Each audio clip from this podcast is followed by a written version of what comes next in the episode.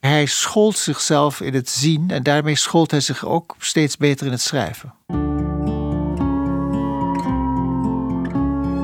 Dit is de brievenpodcast van het Van Gogh Museum. In deze serie nemen we je mee naar de wereld van Vincent van Gogh via zijn brieven. Honderden schreef hij er aan familie, kennissen, kunstenaarsvrienden, maar de meeste aan zijn geliefde broer Theo. In deze podcast leest telkens een artiest of schrijver een stukje voor uit één van de brieven en vertelt wat hem of haar daarin het meeste raakt. Wij zijn radiomakers De Smet en ik ben Marije Schuurman-Hes. In deze aflevering praat ik over brief 151 met schrijver Adriaan van Dis. Een kunstenaar hoeft niet geëngageerd te zijn. Integendeel, eh, hij moet gewoon goede dingen maken. Punt, uit, klaar. Maar ik kan het niet laten om geëngageerd te zijn. Dat is het verlangen dat we allemaal in ons hebben om goed te willen doen. Ook al lukt het niet altijd. Van Gogh doet in ieder geval zijn stinkende best om goed te doen. In brief 151 schrijft hij over de mijnwerkers in de Borinage in België. Vincent was daar lekenpredikant en besteedde vooral veel tijd aan het bezoeken van zieken en gewonden. Wambe, april 1879. Waarde Theo. Het is tijd dat gij weer eens iets van mij hoort. Niet lang geleden heb ik een zeer interessante tocht gemaakt. Ben toen namelijk zes uur lang in een mijn geweest. En wel in een van de oudste en gevaarlijkste mijnen van de omtrek, Marcas genaamd. Die mijn staat in slechte naam vanwege dat er velen in omkomen. Rondom de mijn zijn armoedige mijnwerkerswoningen met een paar dode bomen, geheel zwart berookt, en doornheggen, mestvaalten en ashopen, bergen onbruikbare steenkool, etc. Maris zou er een prachtig schilderij van maken. Ken je het toevallig, die streek? Ja, ja het is een hele treurige streek. Uh, dat de Wame ligt in de buurt van Mons. En ik heb ooit een Belgische vriendin gehad, dus ik ben veel in die streken geweest.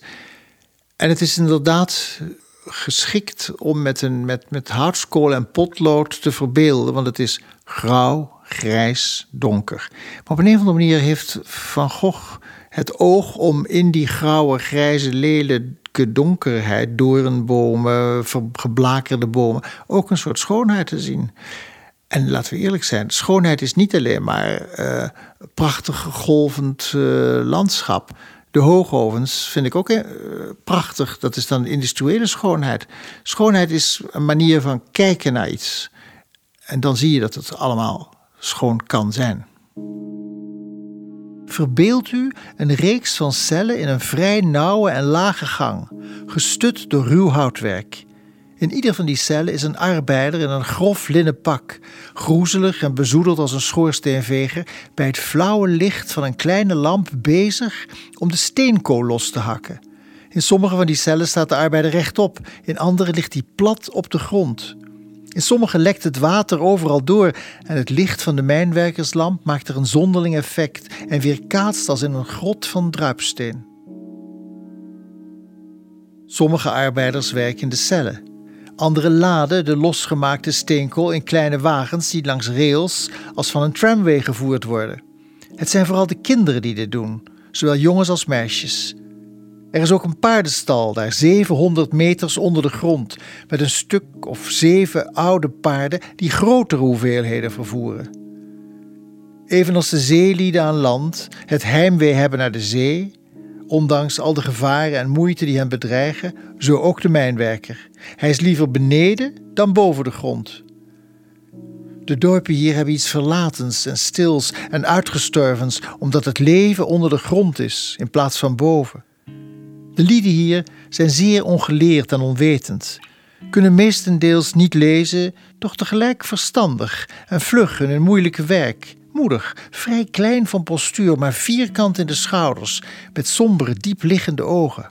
Ze zijn handig in veel dingen en werken verbazend veel. Zeer zenuwachtig van gestel, ik bedoel niet zwak, maar gevoelig hebben een ingekankerde en vastgewortelde haat en een innig wantrouwen jegens een ieder die over hen zou willen de baas spelen. Heb ik u in der tijd verteld van die mijnwerker die door gasontploffing deerlijk gebrand was? God zij dank. Hij stands hersteld en gaat uit. en begint hele einden te lopen tot oefening. Zijn handen zijn nog zwak en het zal nog duren eer hij in staat zal zijn om ze te gebruiken voor zijn werk. Doch hij is behouden. Moet erop uit naar de zieke en moet dus eindigen. Laat spoedig iets van u horen om een teken van leven te geven als ge tijd mocht hebben. Groet uw huisgenoten en mouwen bij gelegenheid. Heb het zo goed mogelijk en geloof mij steeds, met een handdruk in gedachten, uw liefhebbende broer Vincent. Je leeft wel mee met de, de, de overgevoelige man. En met een man die, die ook ons vandaag de dag weer dwingt om goed te kijken. Te kijken naar armoede, naar verval. Hij wil eigenlijk prediker worden. En hij is hier dan lekenprediker. Maar hij gaat veel te veel op in die mensen. Hij, hij geeft de spulletjes die hij heeft weg. Hij slaapt op de grond. Hij vereenzelvigt zich zo ongelooflijk met die mensen dat hij uiteindelijk daar ook weer weggestuurd wordt. Want hij moet natuurlijk boven de zielenpieten staan. Maar hij staat er niet boven. Hij vereenzelvigt zich met die mensen. Het is ook een overgevoelige man en het is een merkwaardige man. En hij kijkt naar die mensen en noemt ze, die mijnwerkers, eh, zenuwachtig. Maar hij was zelf zenuwachtig van aard. En de vader van Van Gogh neigde zelfs hem op te laten nemen, juist op deze jonge leeftijd. Omdat niemand wist wat er met hem moest gebeuren. Had in een boekhandel gewerkt. Al die baantjes van hem mislukten. En uiteindelijk is natuurlijk de belangrijke baan die hij voor zichzelf geschapen heeft, de, de autodidact, de schilder, de tekenaar die het zichzelf geleerd heeft. Ja, wat heeft het met mij te maken? Ik ben ook betrokken en ik geniet niet als ik weet dat twee heuvels verder, weet ik het wat, eh, de mensen in armoede leven. En die kloven worden in de samenleving overal sterker. Niet alleen tussen Noord en Zuid, maar tussen opgeleid en niet opgeleid, verzekerd, onverzekerd. En dat vind ik uh, onaangenaam om in zo'n tijd te leven. Vooral nu ik steeds meer hoor dat mensen zeggen: grenzen dicht, eigen volk eerst ik heb een uh, hele sombere periode uh, achter de rug, mede ingegeven door de tijd waarin ik leef. Kon je dat omzetten in uh, acties of in een soort betrokkenheid, zoals bijvoorbeeld Vincent van Gogh dat probeerde te doen? Je moet doen wat je kan. Van Gogh die ging schilderen en ik ging schrijven en Van Gogh deed trouwens allebei. Ik ben bijvoorbeeld in de oorlog van Afrika geweest, in Mozambique, bij paters. Die letterlijk mensen helpen, die letterlijk die Bijbel al lang op de bovenste plank hadden geflikkerd. En met de jodium en de injectie en de pillen uh, die dorpen ingingen. En mensen gingen verbinden en helpen. Want het een van de meest vrede burgeroorlogen van de na de Tweede Wereldoorlog. Ja, wat kun je doen? Moet je moet ik ingrijpen? Moet ik niet gewoon bij wijze van spreken ook wonder gaan wassen? Of ben ik een, een voyeur die uiteindelijk bericht? Dat zijn morele vragen die je zelf kan stellen. En wat een schrijver kan doen, is beschrijven wat er gebeurt in een oorlog.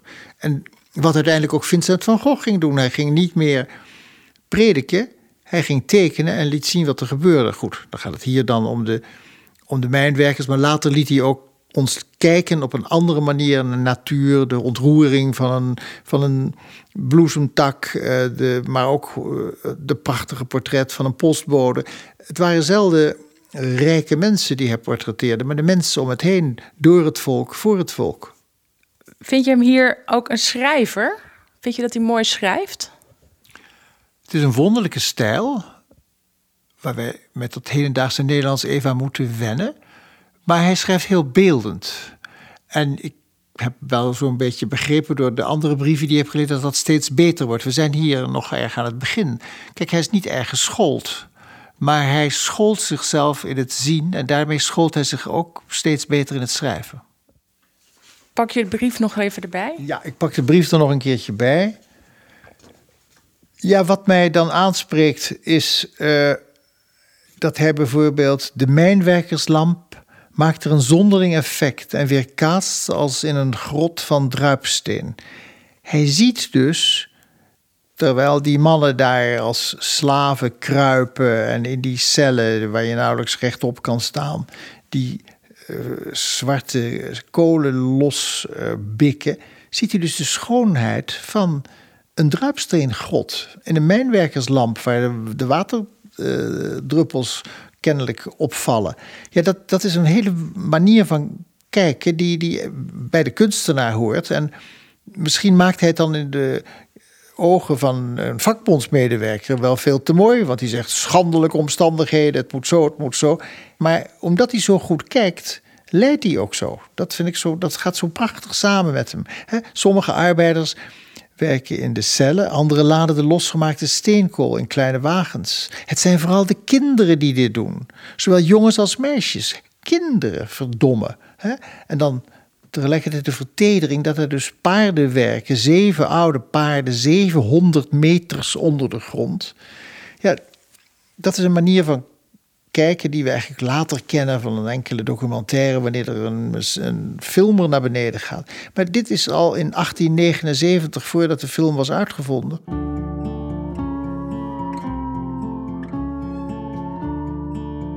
Je hoorde een aflevering van de podcastserie Van Gogh belicht de brieven. Lees vooral de hele brief een keer. Je vindt hem op de website van goghmuseum.nl/belicht.